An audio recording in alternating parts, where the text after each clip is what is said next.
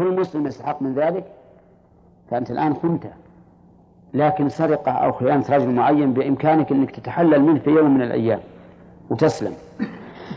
طيب مفهوم قول المؤلف مسلم حر من بيت المال أنه لو سرق الكافر من بيت المال. يقطع ولا لا؟ نعم لأنه لا حق له في بيت مال المسلمين.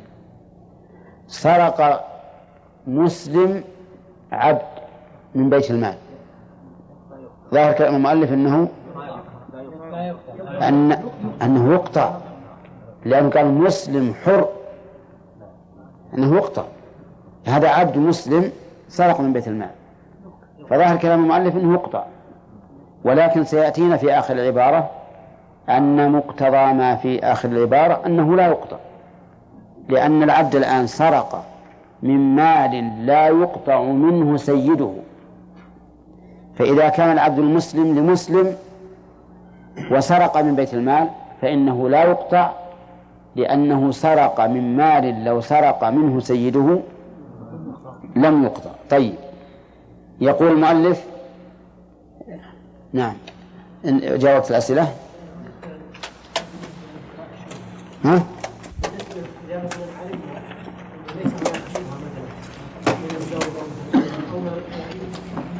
كان ممن يتوقع له الشبهه لكن علمنا يقينا انه ليس نعم لأن الرجل مثلا قد حافظ على زوجته واعطاها من انها لا يكفيها نعم وعلمنا انه ما ومع ذلك صار هل يظل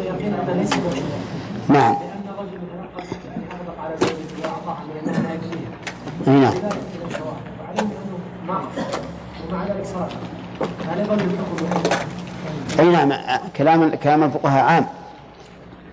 ولكن في الحقيقة يجب أن نلاحظ مسألة أخرى. فرق بين أن يكون مال الزوج في نفس البيت وبين أن يكون في الخارج في الدكان وشبهه. لأن كونه في مال البيت فيه نوع من الائتمان لهذه الزوجة. لكن إذا كان في الخارج في الدكان مثلا فليس فهي وغيرها سواء. فهي وغيرها سواء. فإذا كان فإذا كان مال الزوج في الدك في في الخارج فلا يظهر لي أن أن فيها في ذلك شبهة. إذا كان قد قام بما بما يلزم. لأن سألناها هل قصر عليك في النفقة؟ قالت لا. كل شيء تام. نعم. أي نعم. يعني سواء علمنا ما دام إن, إن هذا السبب يعتبر شبهة فسواء تحققت أو لا. لأنهم يرون إن, إن العلة لا يلزم وجود الحكمة منها. أوجب الله علينا الصيام لأجل نتق الله.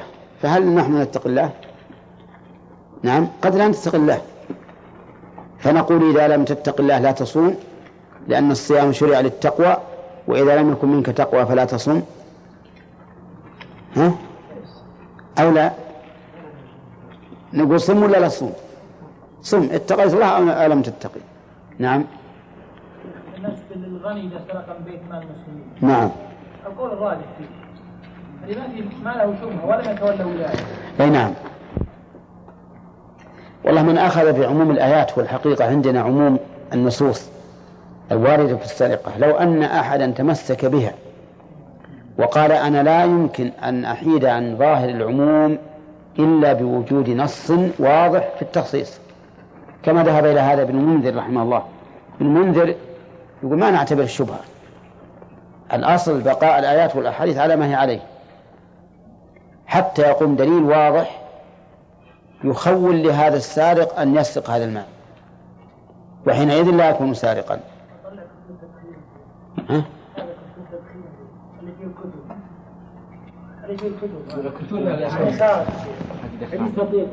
إيه. ما أدري. الغلاف شيء والداخل زين. شيء هم المكتبات. يستخدمون هذه المنازل يعني مقياس مقياس الكتب قوي. وحق التتن أقوى من غيره؟ نسأل الله يحسن شره. طيب يطلع. يطلع. على كل حال ما يضر الحقيقة ما يضر. إيه؟ لكن كونه بالمسجد وهو شيء محرم نعم. خذ عضوه عضو نسخة. نعم. نعم. ما معنى قولنا أب له حق التملك؟ الأب؟ له أن يتملك من مال والده ما شاء. لو لا لأن له حق التملك. لا لأن لأن له حق التملك. لا السؤال الأخير اللي ورد. إي نعم. لأنه هو قال الأب وإن على فقلنا الأب الذي له حق التملك لأن الجد ما يملك التملك الجد ولأنه قال الأب وإن على فقلت إذ الأب الذي له حق التملك وهو الأب الأدنى. نعم. نعم. عادل. اصبر كل واحد ياخذ كتاب ما أخذتنا. إيه، تخير الآن. الآن تخير اللي تبي كتاب واحد؟ أبد. واحد و... و... و... اتبعها آه، جلادة تتبعه ما يبي يلا اختار اللي تبي ها؟ هذا عنده. نعم يا عادل. المكاتب إذا صرح من سيده ها؟ المكاتب إذا صرح من سيده نعم. يقطع. أي يقطع. ظاهر كلام المؤلف أنه يقطع. مكاتب إذا سرق من زيد لأن ما له شبهة الآن. نعم يا عبد الرحمن. إذا سرق الأب المال هل يشترط أن يكون المال للابن لو كان عنده عارية لشخص لو كان إيش؟ لو كان لديه عارية. المال ليس ملكا للابن لكن له تصرف فيه. أي. أي نعم الظاهر إن, إن أنه لا يقطع في هذا الحال. يعني لو كان المال لغير الولد. لغير الولد لكنه في حوزته. فالظاهر أنه لا يقطع لأنه أي, أي الأب غالبا لا يكون مال ابنه محرزا عنه. أما لو كان محرزا فهو يقطع لأن المال لغير الولد. ها؟ لو علم الأب أن المال ليس لابنه ولكنه عنده كل واحد ما دام سرق هذا ال- الأب مال غيره غير ابنه من من من عند ابنه وهو محرز فإنه يقطع. نعم. كان عليه أن يتوقف. كان عليه أن يتوقف ويسأل. نعم. إذا سرق العبد من مال أبي سيده هل يقطع ولا لا؟ أي نعم يقطع. طيب كيف يكون إذا سرق العبد لا يقطع لأن سيده أي لأن المال أصل هذا ال- ال- السيد يتمل له حق في هذا المال بعينه. أي نعم. أم- أما أما الجد فليس له حق إلا التملك وليس شريكا الجد في مال ابنه مو بشريك لكن له حق أن يتملك. فقط. خمس وش معناها يا ياسر؟ الصحيح الصحيح انه لا يقطع ان كان غنيا أي هذا قول صحيح لا لا هو ان كان غنيا يقطع هو الظاهر أصبحت الصحيح مثل قول اللي بن جني نعم. إذا فكر الإنسان بشيء يرى أنه مناسب قال هذا هو الصحيح. مثل بعض الطلبة كل ما شاف قول زين قال هذا اختيار شيخ الإسلام ابن تيمية. يمكن شيخ الإسلام يرى خلاف هذا الشيء. طيب. ها؟ قلنا يعني كيف يسرق من بيت المسلمين لا إحنا ذكرنا فيما آه، أرى أنه ما له حق في بيت مال المسلمين اللهم إلا حق بعيد جدا. القطع ما أدري هو نحن رجعنا ولا ما أدري. مكتوب؟ مكتوب. نحن ذكرنا أنه إذا كان غني ولم يقم يعني بمصلحه للمسلمين كإقاء مثلا. نعم نعم صح. ذكرت الآن إيه نعم. نعم. ذكرنا إذا كان غنيا وليس يقوم بمصلحة. نعم. وإن كان يقوم بمصلحة فله شبهة. طيب. صلى الله وتوب. الله لا من- طيب. ونحن ذكرنا فيما سبق قاعدة مهمة أن الأصل وجوب القطع في كل سارق. إلا ها؟ إلا أن يقوم دليل على الاستثناء وإلا في الأصل الوجوب. إن كان غنيا فإنه يقطع. لا كيف؟ قلنا كان غنيا فلا يقطع لأنه قد يفتقر وقد يعمل لا ما أظن. لا لا بالعكس. شيء إحنا ذكرنا إنه إذا كان غنيا ولم يقم بشيء من مصالح المسلمين فلا شبهة له في بيت المال. لكن على المذهب يقول ولو كان غنيا لأنه قد يفتقر في- فيستحق. نعم. طيب المهم الخلاصة الآن في مسألة السرقة من بيت المال الأصل فيها إيش؟ القطع. حتى توجد شبهة بينة والشبهة البينة إما فقره أو قيامه بمصالح بمصلحة من مصالح المسلمين كالتدريس والأذان والإمامة وما أشبه أو من غنيمة لم تخمس. إذا سرق من غنيمة لم تخمس فإنه لا يقطع. ليش؟ لأن له حقا في خمس خمسها. في خمس خمسها. كم خمس الخمس؟ واحد من خمس وعشرين. فله حق في هذا الواحد من خمسة وعشرين. لأن الغنيمة وهي المال المأخوذ من الكفار بقتال وما ألحق به هذه الغنيمة. المال المأخوذ من الكفار بقتال وما ألحق به. هذه الغنيمة تقسم خمسة أسهم. أربعة منها للغانمين وواحد منها يقسم إلى خمسة أسهم أيضا. خمس لبيت المال وخمس لذوي القربى وخمس لليتامى وخمس للمساكين وخمس لابن السبيل. واعلموا أن ما غنمتم من شيء فأن لله خمسه وللرسول ولذي القربى واليتامى والمساكين وابن السبيل. فإذا سرق من غنيمة لم تخمس فإنه لا يقطع. لماذا؟ علل لأن له شبهة استحقاق فإنه يستحق من إيش؟ خمس الخمس الذي يصرف في الفيء وهو ما كان. ما كان لله ورسوله فإن خمست الغنيمة فإن خمست الغنيمة فإن سرق من أربعة الأخماس التي للغانمين وليس منهم فإنه يقطع لأنه لا حق له فيها ولا استحقاق ولا شبهة. وإن سرق من الخمس الذي يصرف إلى الأصناف الخمسة فإنه إيش؟ لا يقطع وإن وزع الخمس إلى إلى أصحابه الخمسة وسرق من سهم لا حق له فيه قطع. مفهوم؟ ولا غير مفهوم؟ طيب. إذا سرق من أربعة الأخماس بعد بعد قسمها بعد تخميسها سرق من الأخماس الأربعة التي للمقاتلين. هل يقطع أو لا؟ إن كان منهم لم يقطع. ليش؟ لأن له حق في الأربعة في الأربعة. وإن لم يكن منهم قطع. انتهينا من هذا. إن سرق من الخمس الموزع على خمسة نظرنا. إن سرق مما لا حق له فيه. يعني كما لو خمسنا الخمس. خمسنا الخمس الآن.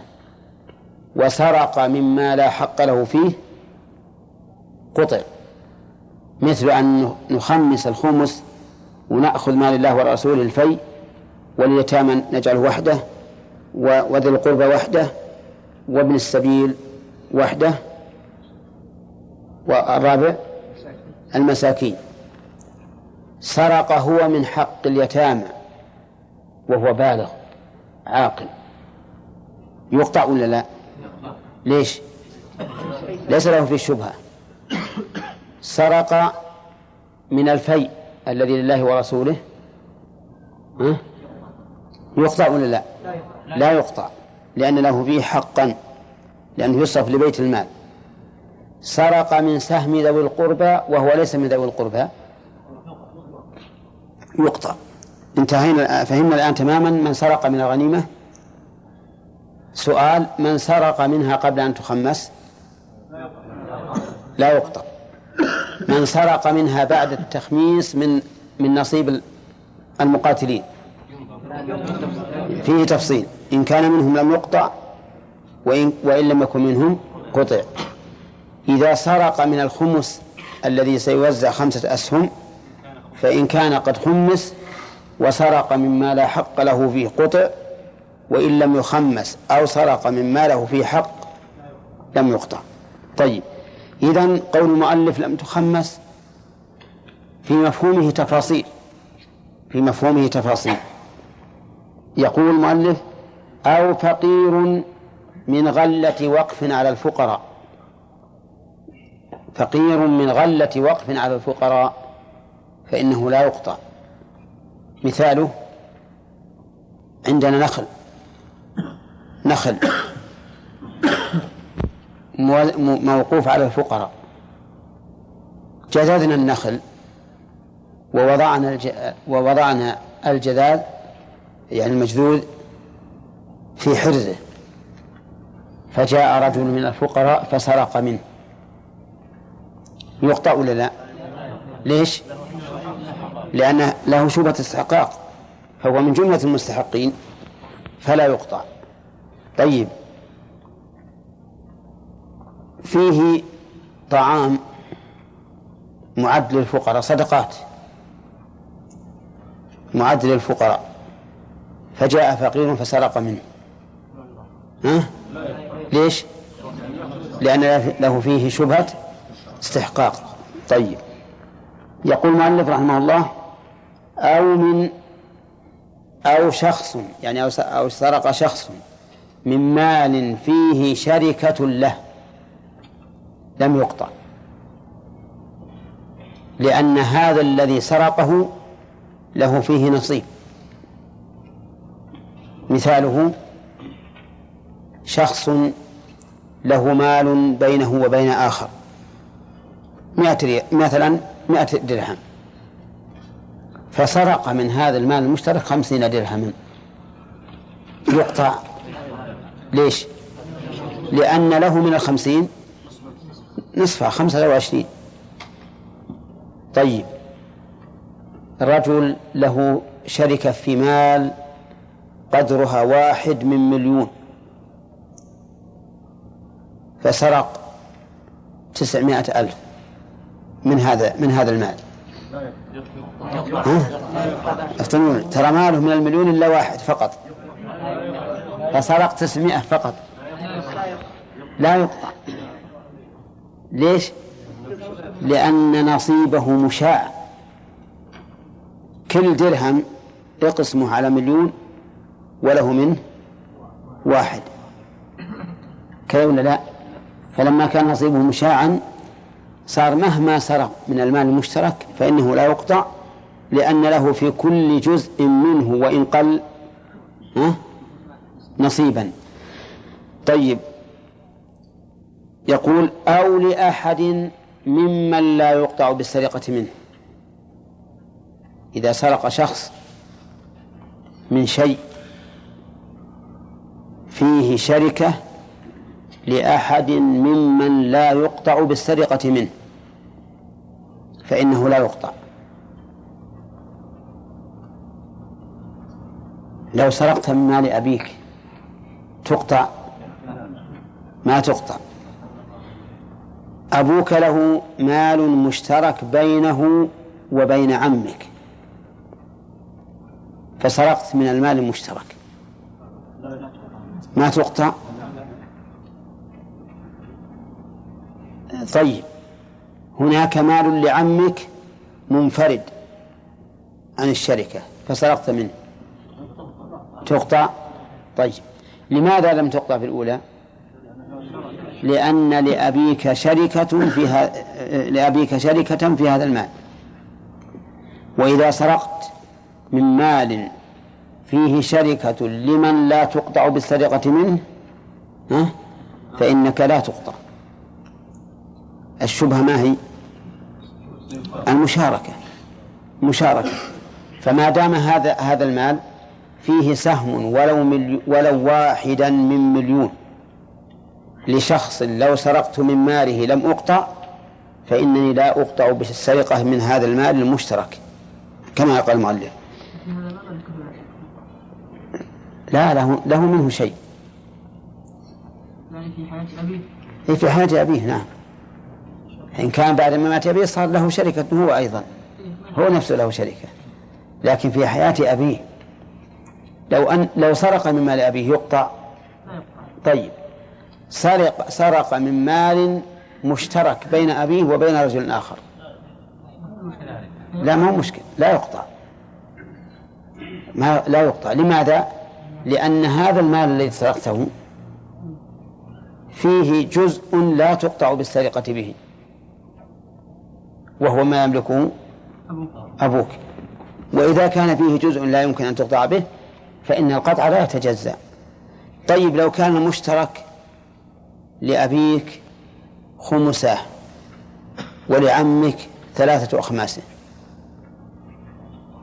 تقطع ولا لا؟ لا. نقطع ثلاثة أصابع. ما يمكن؟ ما يمكن نجزئه. لا يمكن أن نجزئه. طيب. يقول لم يقطع ثم قال ولا يقطع إلا بشهادة عدلين. هذا الشرط الخامس. الشرط الخامس للسرقة ثبوت السرقة أن تثبت السرقة ولثبوتها طريقان شهادة وإقرار. وهناك طريق ثالث مختلف فيه. الشهادة يقول المؤلف بشاهدين عدلين شاهدين أي رجلين عدلين والعدل سبق لنا تعريفه أنه من استقام دينه واستقامت مروءته. يعني أنه ذو دين وذو مروءة. لم يفعل ما يخل بالدين ولم يفعل ما يخل بالشرف والمروءة. مستقيم في دينه وأخلاقه. هذا العدل. و فلا بد في الشهادة من أن يكون الشاهدان اثنين عدلين. طيب النساء تقبل شهادتهن في السرقة لا. لأن الحدود لا يقبل فيها إلا الرجال. لا يقبل في الشهادة فيها إلا الرجال. كل الحدود سرقة زنا خمر غيره جميع الحدود لا يقبل فيها إلا الرجال. شهد رجل وامرأتان. لا لا لا تقطع. لا تقطع اليد. أربعون امرأة لا تقطع اليد. رجل واحد لا تقطع اليد. رجل فاسق ورجل عدل لا تقطع. الرجلان فاسقان لا تقطع لأنه لا بد من رجلين عدلين. طيب أو إقرار مرتين. هذا الطريق الثاني لثبوت السرقة الإقرار ويشترط فيه شرطان التكرار والاستمرار. التكرار يقول المؤلف مرتين فلو أقر مرة واحدة. قال إني سرقت لم يثبت القطع. فلا قطع لأن السرقة لم تثبت شرعا. فلا بد من التكرار مرتين. طيب إذا أقر ثلاثا ها؟ المؤلف يقول أقر مرتين. مراده بيان الأقل أي إقرار لا ينقص عن مرتين. فإن زاد كان أقوى. الشرط الثاني للإقرار الاستمرار وإليه أشار بقوله ولا ينزع حرك العين. ها؟ كذا تغمض ولا تفتح؟ ها؟ تغمض يعني تضم ها؟ الحين ضميت عيني؟ أو تفتح؟ ولا ينزع. ولا ينزع بالسكون أنت إن إن إن غمضت. ما شفت أحد. وإن فتحت تشوف ولا لا؟ طيب أيهما أحسن؟ أن تفتح أو أن تغمض؟ أن تفتح. إذا ما دام أحسن تفتح افتح. ولا ينزع عن إقراره بالنصب طيب كيف ننصبها؟ ما وجه ما وجه النصب؟ لأنها عطف على اسم خالص. قال ابن مالك وإن على اسم خالص فعل عطف تنصبه أن ثابتا أو منحذف وشاهده قول الشاعر ولبس عباءة وتقر عيني أحب إلي من لبس الشوف طيب وين وين ال ال الاسم الصريح؟ قال إقرار. إلا بإقرار أو إقرار مرتين ولا ينزع. يعني وعدم نزعه. ويجوز الرفع. يجوز الرفع على أن استئنافية وقوله لا ينزع يعني لا يرجع عن إقراره. حتى يتم عليه الحد. فإن رجع بعد تمام الحد قبل رجوعه ولا لا؟ ها؟ طيب يا جماعة قالوا إن الآن يمكن يسوون عملية. يمكن يسوون عملية يردون اليد. فرجع عن إقراره بعد أن قطع. هل نقول لما رجع عن إقراره بعد أن قطع نرد يده إليه؟ ها؟ ولو أمكن. طيب. فإن بقي على إقراره حتى أقمنا عليه الحد وقطعنا يده فهل يجوز ردها؟ لا. لأن هذا خلاف مقصود الشارع. ليس مقصود الشارع الإيلام فقط حتى نقول إنه حصل بقطعها. مقصود الشارع أن يبقى وليس له يد. نعم. طيب. إذن ما أثير منذ شهور حول إعادة يد المقطوع للسرقة نقول هذا لا لا ليس بصحيح. والواجب أن تبقى بائنة ولا ترد. طيب ولا ينزع عن إقراء حتى يتم على الحد من ما هو الدليل على أن أنه لا بد من التكرار؟ الدليل على ذلك يقولون لأن هذا ح- نعم يقولون لأنه جيء بسارق إلى الرسول عليه الصلاة والسلام فأقر بأنه سرق فقال ما إخالك سرقت؟ قال بلى يا رسول الله. فأقر فأمر بقطعه. والقياس قالوا لأن هذا حد يتضمن إتلافا فكان أحق بالتكرار من الزنا الذي لا يتضمن الإتلاف إلا إلا في المحصن. ولكن كما ترون هذا ليس بصحيح. لأن قول الرسول عليه الصلاة والسلام له ما إخالك سرقت أراد بذلك الاستثبات. والقول يثبت على الإنسان بشهادته على نفسه. يا أيها الذين آمنوا كونوا قوامين بالقسط شهداء لله ولو على أنفسكم. وقد سبق لنا بيان أن تكرار الإقرار ليس بشرط في أي مكان في باب حد الزنا. فهذا مثله أولى. ولذلك كان تكرار الإقرار هنا أو كان اشتراط تكرار الإقرار هنا من مفردات مذهب الإمام أحمد كما ذكره صاحب الإنصاف. يعني مخالف لقول الأئمة الثلاثة. أيضا اشتراط أن لا ينزع عليه حتى يقر عليه أن لا ينزع عن الإقرار حتى يتم الحد قاسوه على الزنا. وقد سبق أن القول الراجح أنه لا يشترط. وأن الإنسان إذا أقر على نفسه ثبت عليه الحكم بمقتضى إقراره ولا يقبل رجوعه وأن الاستدلال بقصة ماعز حيث قال الرسول صلى الله عليه وسلم هلا تركتموه؟ يتوب فيتوب الله عليه. استدلال إيش؟ ضعيف لأن ماعزا لم يرجع عن إقراره بالزنا ولكنه رجع عن ها؟ طلب إقامة الحد فبينهما فرق. وعلى هذا فنقول الصحيح أنه لا يشترط لثبوت. لثبوت السرقة تكرار الإقرار ولا الاستمرار في الإقرار. وأنه إذا أقر أقيم عليه الحد ولو مرة واحدة. إذا تمت شروط الإقرار بأن يكون بالغا عاقلا مختارا. طيب هل هناك طريق ثالث تثبت به السرقة؟ البينة هي شاهد شاهد عدلين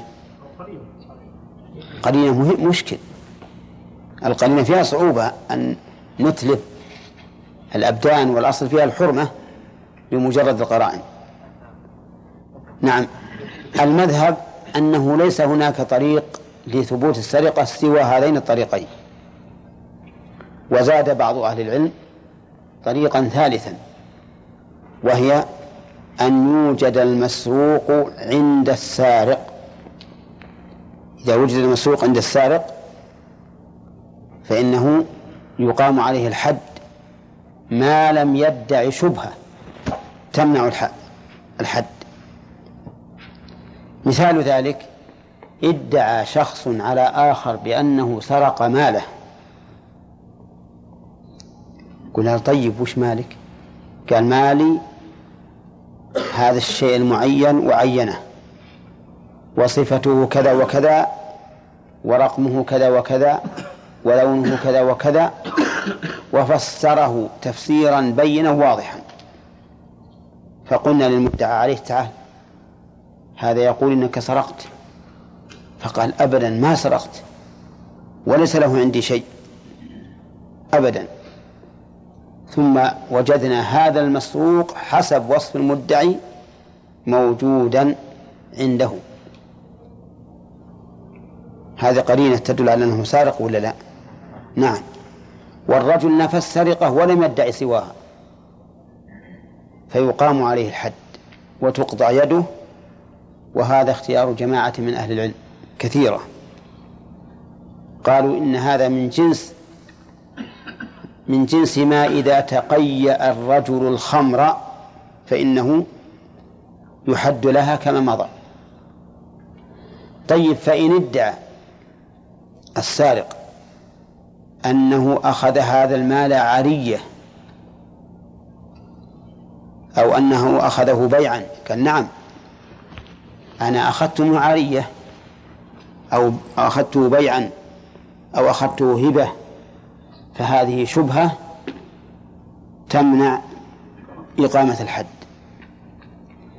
كما ذكرنا في من حملت وليس لها زوج ولا سيد ثم ادعت أن غيرها ها أكرهها. فإنها لا, لا تحد. طيب ما رأيكم في في رجل أقر بأنه سرق وقال إني سرقت؟ من الدكان الفلاني. سرقت الحاجة الفلانية التي وصفها كذا ووصفها كذا ونمرتها كذا وموديلها كذا وذكرها تماما. ووصف كيف سرق. قال جئت من هنا وفتحت هذا الباب تصورت الجدار وكل شيء وصفه. ثم وجدنا المسروق عنده كما وصف تماما. ثم بعد ذلك قال رجعت عن إقراري. ها؟ طيب. هل نقول إن عموم كلامهم حيث قالوا ولا ينزع عن إقراره حتى يتم عليه الحد يقتضي أن هذا الذي رجع عن إقراره ووجد المال عنده ووصف هو نفسه السرقة. لم يقل لم يقل سرقت فقط. ذهب بنا إلى المحل وأرانا كيف صنع. هل نقول إن عموم كلام الأصحاب يعني الفقهاء هؤلاء يقتضي أن يرفع عنه الحد لأنه رجع؟ أو نقول إن كلامهم هذا فيما إذا كان ثبوت السرقة مجرد إقرار. أما مع وجود هذه القرائن التي ذكرها ووصف لنا السرقة ووجد المال عنده لأن كلام المؤلف إذا كان كانت المسألة مجرد إقرار. أما مع وجود القرائن ووجود المال عنده وعلى حسب ما وصف تماما هل تصدقون الآن؟ دعونا من كلام الفقهاء. هل تصدقون أن رجلا يأتي ويقول سرقت؟ هذا الدكان على هذه الكيفية ويرينا كيف سرق ونجد الأمكنة كما قال مضروبة في الفأس والصندوق مكسور ونجد المال المسروق الذي وصف لنا عنده. هل تصدقون أنه إذا قال لم أسرق يكون غير سارق؟ ها؟ أبدا. هذا لا يصدق به أحد. لأنه من المستحيل أن رجلا يدعي على نفسه هذه الدعوة ثم يقول ما فعلت. يعني في احتمال أنه لم يسرق وأن السارق صديقه وأن صديقه وصف له السرقة ووضع المال عنده أمانة. في احتمال هذا ولا لا؟ ها؟ احتمال عقلي وارد. لكن العادة تمنع هذا منعا باتا. تمنع أن يكون أن يأتي رجل ويقول أنا سرقت وفعلت كذا وفعلت كذا وفعلت كذا والمال عندي. ثم يقول بعد ذلك رجعت عن إقراري. عرفتم؟ فالصواب إذن أن الرجوع عن الإقرار غير مقبول مطلقا. فكيف إذا احتفت به إقراء تدل على كذب الرجوع وعلى أن السرقة واقعة تماما. إذا ادعى الإكراه نقول من أكرهك؟ إيه؟ إذا ادعى الإكراه وكان يمكن أن يكره رفعنا عنه الحد. نعم؟ إيه صح. نسيت أنا لا. نعم. يقول و والشرط الشرط السادس وأن يطالب الم وأن يطالب المسروق منه بماله. هذا الشرط السادس أن يطالب المسروق منه بماله. وش ماله؟ إيش ماله؟ الذي سرق. فإن لم يطالب فإنه لا يقطع. ولو ثبت السرقة ما دام صاحبه لم يطالب فإننا لا نقطعه. لماذا؟ ما الدليل؟ الدليل حديث صفوان بن أمية حيث كان نائما على ردائه في مسجد النبي صلى الله عليه وسلم. فجاء رجل فسرقه فرفع صفوان الأمر إلى رسول الله صلى الله عليه وسلم فأمر النبي صلى الله عليه وسلم بقطعه. فقال صفوان يا رسول الله أتقطعه في رداء لا يساوي ثلاثين درهما؟ إني قد وهبته له. فقال النبي صلى الله عليه وسلم هلا كان قبل أن تأتيني به؟ هلا كان قبل أن تأتيني به؟ فإنه يدل على أنه لو وهبه له قبل أن يرفعه الحاكم ها سقط القطع. فتدبروا هذا الدليل هل يصح الاستدلال به على هذه المسألة؟ أو لا يصح؟ ها؟ طيب من من قال نعم؟ اللي عندنا علماء فطاحل استدلوا بهذا الحديث على هذه المسألة. لا تقولوا لا على طول بس. ها؟ في دليل. كيف ذلك؟ لأنه إذا إذا وهبه له ملك. وإذا ملك نعم.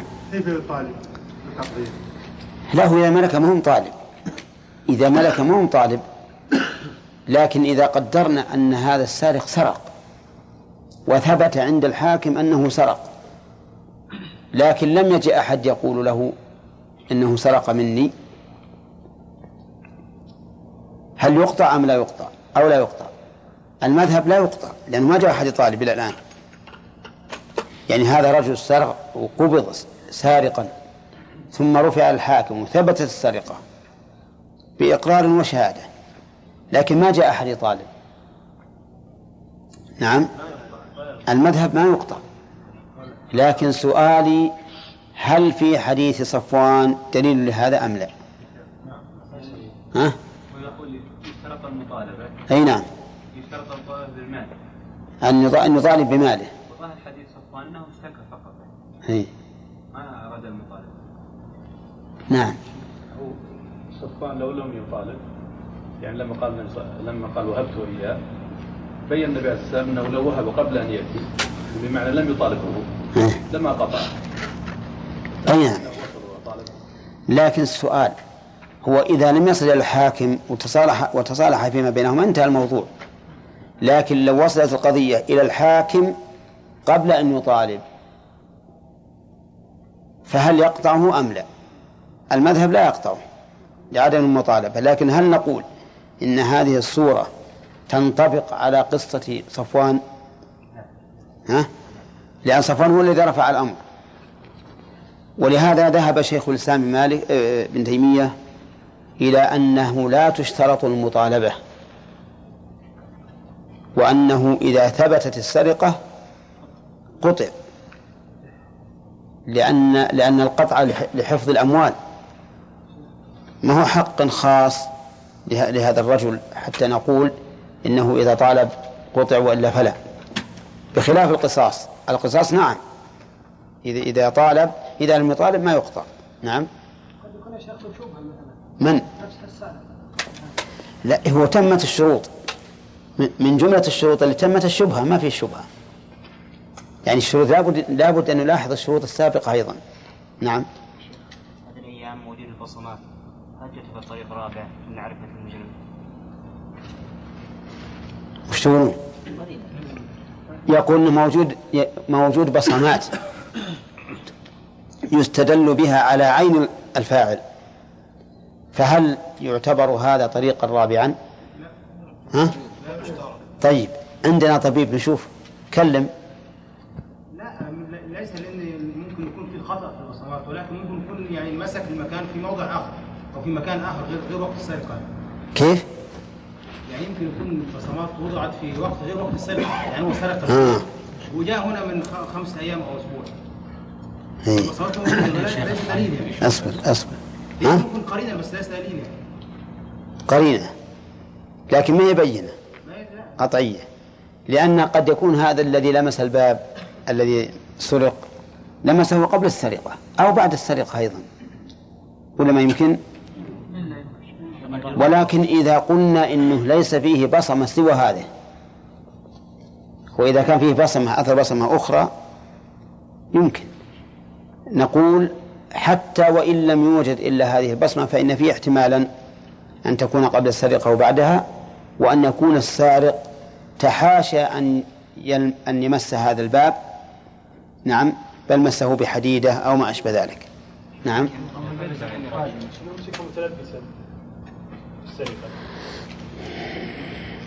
أي نعم. هذه ما فيها بين بين إذا رأوه دخل الباب وكسر الباب وسرق هذا واضح. بين هذه. هذه الشهادة. هذه الشهادة. أما مسكوه مجرد أنهم رأوا رجلا هاربا وأمسكوه ومعه المال فهذا ما يدل على السرقة. نعم. الذي لله. ها؟ الفيء الذي لله للرسول إيش؟ الفيء الذي لله للرسول كيف يصرف؟ يصرف لمصالح المسلمين وفقراء المسلمين للمساجد والمدارس وطبع الكتب والفقراء من المسلمين. كل ما يحتاج إليه نعم. الشاهد ها؟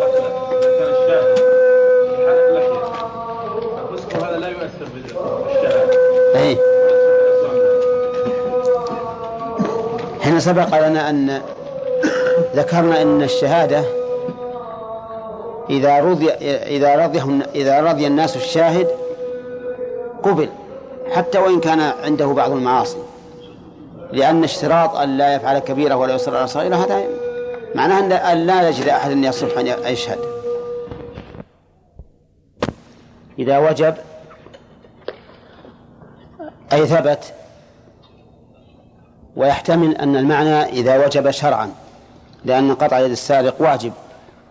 لقوله تعالى والسارق والسارقة فاقطعوا أيديهما.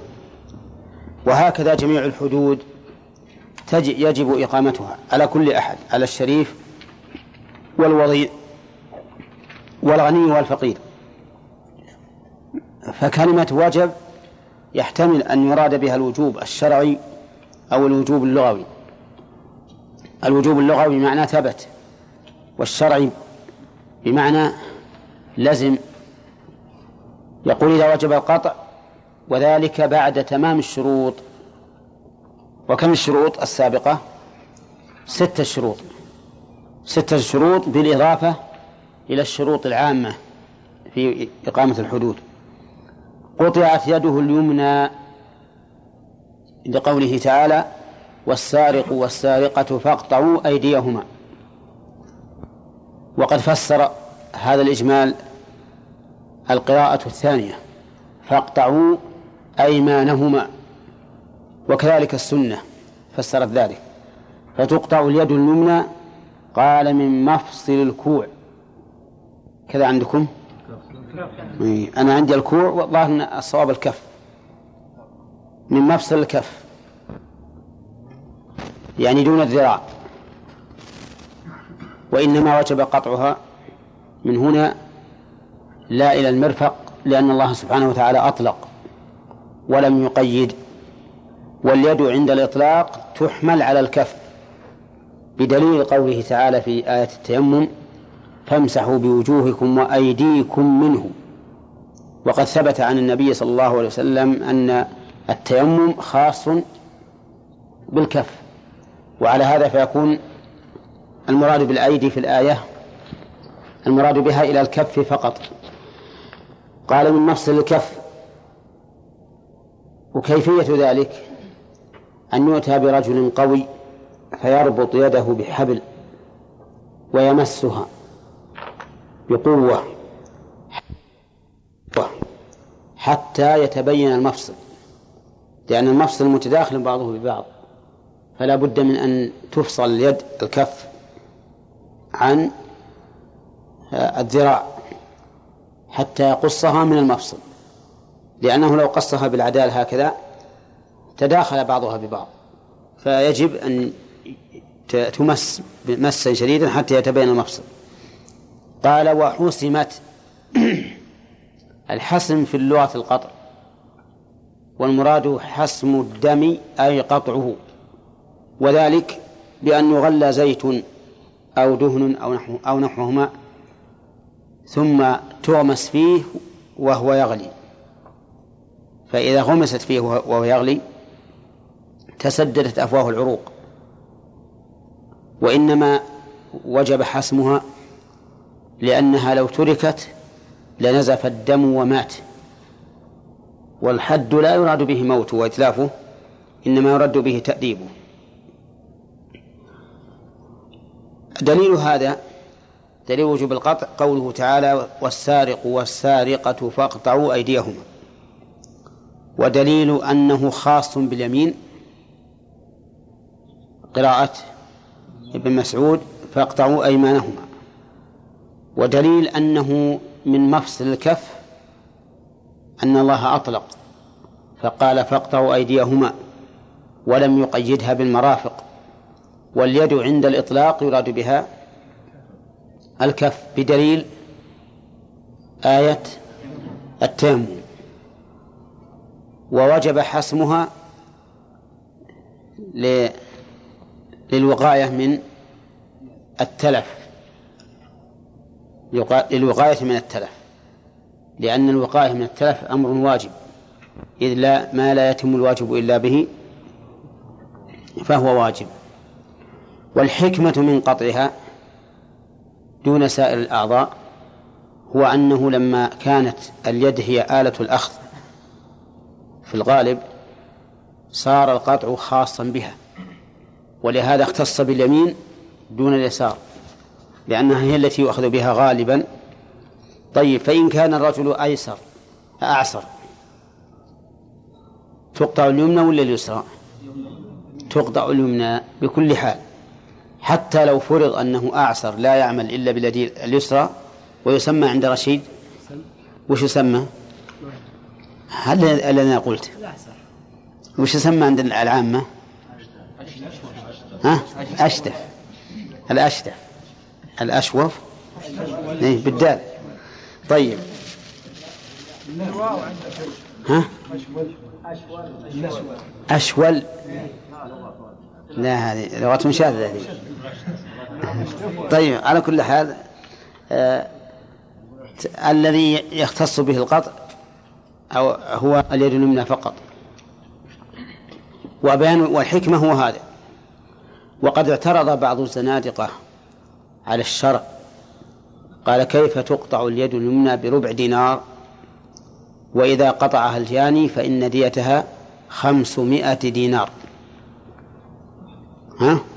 بينهما فرق. كيف تكون قيمتها خمسمائة دينار وتقطع في ربع دينار؟ وأجابه بعض العلماء بأنها قطعت بربع الدينار حماية للأموال. وكانت ديتها خمسمائة دينار حماية للنفوس حماية النفوس والدماء. يقول الشاعر المعترض يد بخمس مئين عسجدا وديت ما بالها قطعت في ربع دينار. تناقض ما لنا إلا السكوت له ونستجير بمولانا من النار. نعم. طيب. الرد.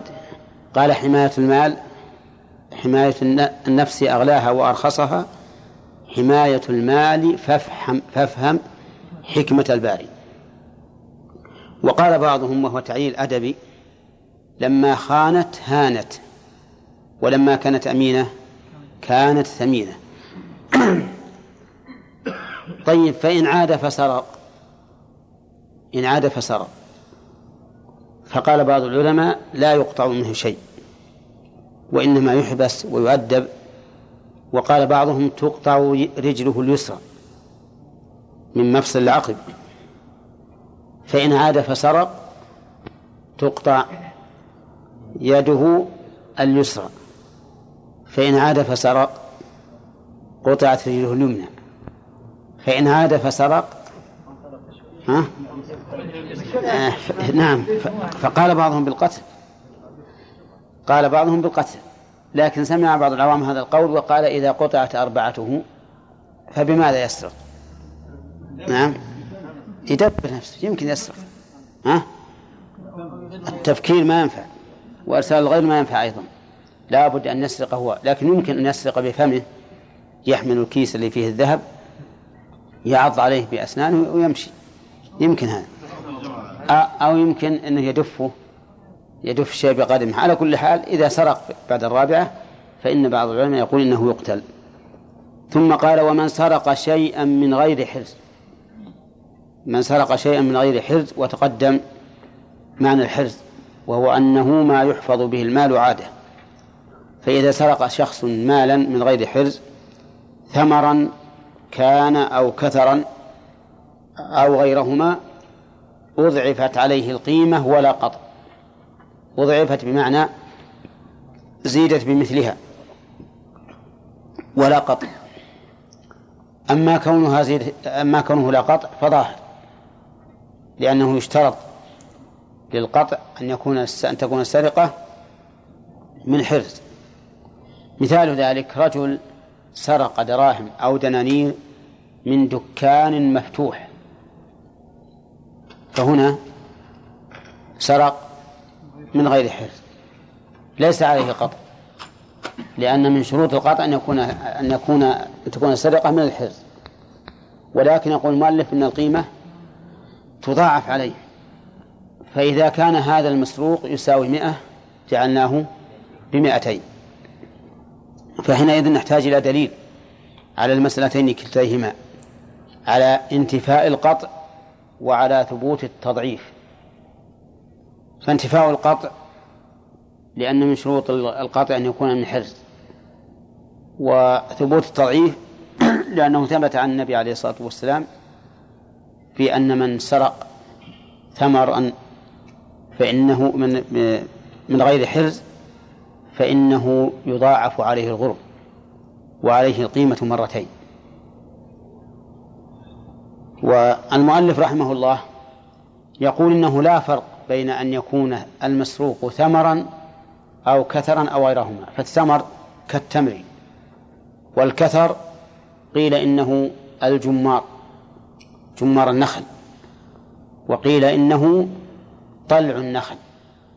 يعني مثلا الفحال يجي إنسان مثل بالليل ويرقى على فحول النخل فيسرقها. و فهذا هو الذي جاءت به السنة أي أن السنة جاءت بالثمر والكثر. وما عداهما فإنها لم تأت به السنة. فألحق بعض العلماء ما عداهما بهما كما ذهب إليه المؤلف رحمه الله. والمذهب أن غيرهما لا يلحق بهما. فإذا سرق من غير حرز فإنه لا قطع ولا يجب عليه إلا القيمة إن كان متقوما أو المثل إن كان مثليا. طيب نعم. لا كثر هذا بالتحريك بالفتح. لا, الظاهر المؤلف وهم. بالضم هو معروف معروف بالفتح. طيب عندنا الآن إذا سرق الإنسان شيئا من غير حرز فهل يقطع أو لا؟ لا يقطع. لانتفاء الشرط. قولا واحدا. هل تضاعف عليه القيمة؟ إن كان كثرا أو ثمرا ضوعفت عليه القيمة قولا واحدا لما جاء في السنة. وإن كان غيرهما ففيه قولان المذهب لا تضعيف والقول الثاني التضعيف. أما الذين قالوا بالتضعيف فقالوا إنه قد ثبتت السنة بتضعيف الغرم في الثمر والكثر ولا نعلم لذلك أصلا إلا لأنه سرق من غير حرص. وعلى هذا فتكون العلة أنه سرق من غير حرز فتضاعف عليه القيمة. فكل ما سرق من غير حرز ضوعفت عليه القيمة. وأما الذين قالوا بأنه لا تضاعف القيمة قالوا لأن الأصل في الضمان ضمان الشيء بمثله.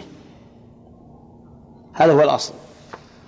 فخرج الثمر والكثر أو الكثر إذا سرق فبقي ما عداهما على الأصل.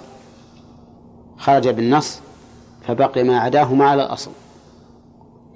والمذهب هو هذا القول أي أنه لا تضعيف. مثال ذلك الرجل صعد إلى نخلة فجذ منها قنوا أو قنوين وذهب به. ماذا يجب عليه؟ يجب عليه أن يضمنه بمثله مرتين. وأما القطع فلا قطع. ومثال آخر رجل سرق من غير حرز دراهم ألف ريال من غير حرز وذهب بها. فلا قطع عليه لأنه من غير حرز ولكن يجب أن يضمنه على كلام المؤلف بمثله مرتين فيضمن المئة بمئتين والمذهب لا يضمنه إلا بمثله فلا يضمن إلا المئة فقط. طيب يقول ما وضوعفت عليه القيمة ولا قطع. وهذا أقرب كلام المؤلف رحمه الله أقرب. أنها تضاعف عليه القيمة لما في ذلك من الردع والزجر ولأنها ولأنه سقطت عنه العقوبة مراعاة لحاله ولمصلحته فتضاعف عليه. ثم قال باب حد قطاع الطريق. أفاد المؤلف بأن عقوبة قطاع الطريق من باب من باب الحد وأنها واجبة وهو كذلك. لقول الله تعالى إنما جزاء الذين يحاربون الله ورسوله ويسعون في الأرض فسادا أن يقتلوا أو يصلبوا إلى آخره. فعقوبة قطاع الطريق من باب الحد الواجب إقامته. وقطاع جمع قاطع والطريق ما يطرقه الناس بأقدامهم ويسلكونه مثل السكك سكك السيارات. وجواد الإبل والحمير ونحو ذلك. وقطاع الطريق الذين يقطعونه بمعنى يمنعون الناس من السير فيه وذلك لعدوانهم على من مر به. ولهذا سميناهم قطاع طريق. تعريفهم هم الذين يعرضون للناس بالسلاح. فيعصبونهم المال مجاهرة لا سرقة. هؤلاء هم قطاع الطريق. يقفون في في الطرقات ومعهم السلاح سواء كان السلاح فتاكا أم لا. حتى لو كان عصا يقتل فإنه سلاح. يقفون في الطريق في الصحراء أو البنيان. وأكثر ما يكونون في الصحراء. لأن البنيان فيها من يحمي الناس وفيها أناس كثيرون يمنعون فساد هؤلاء فأكثر ما يكونون في الصحراء وأكثر ما يكون أيضا في الصحراء غير المسلوكة يقول في الصحراء أو البنيان فيغصبونهم المال مجاهرة لا سرقة. يعرض للمسافر ويقول يلا نزل المتاع الذي معك.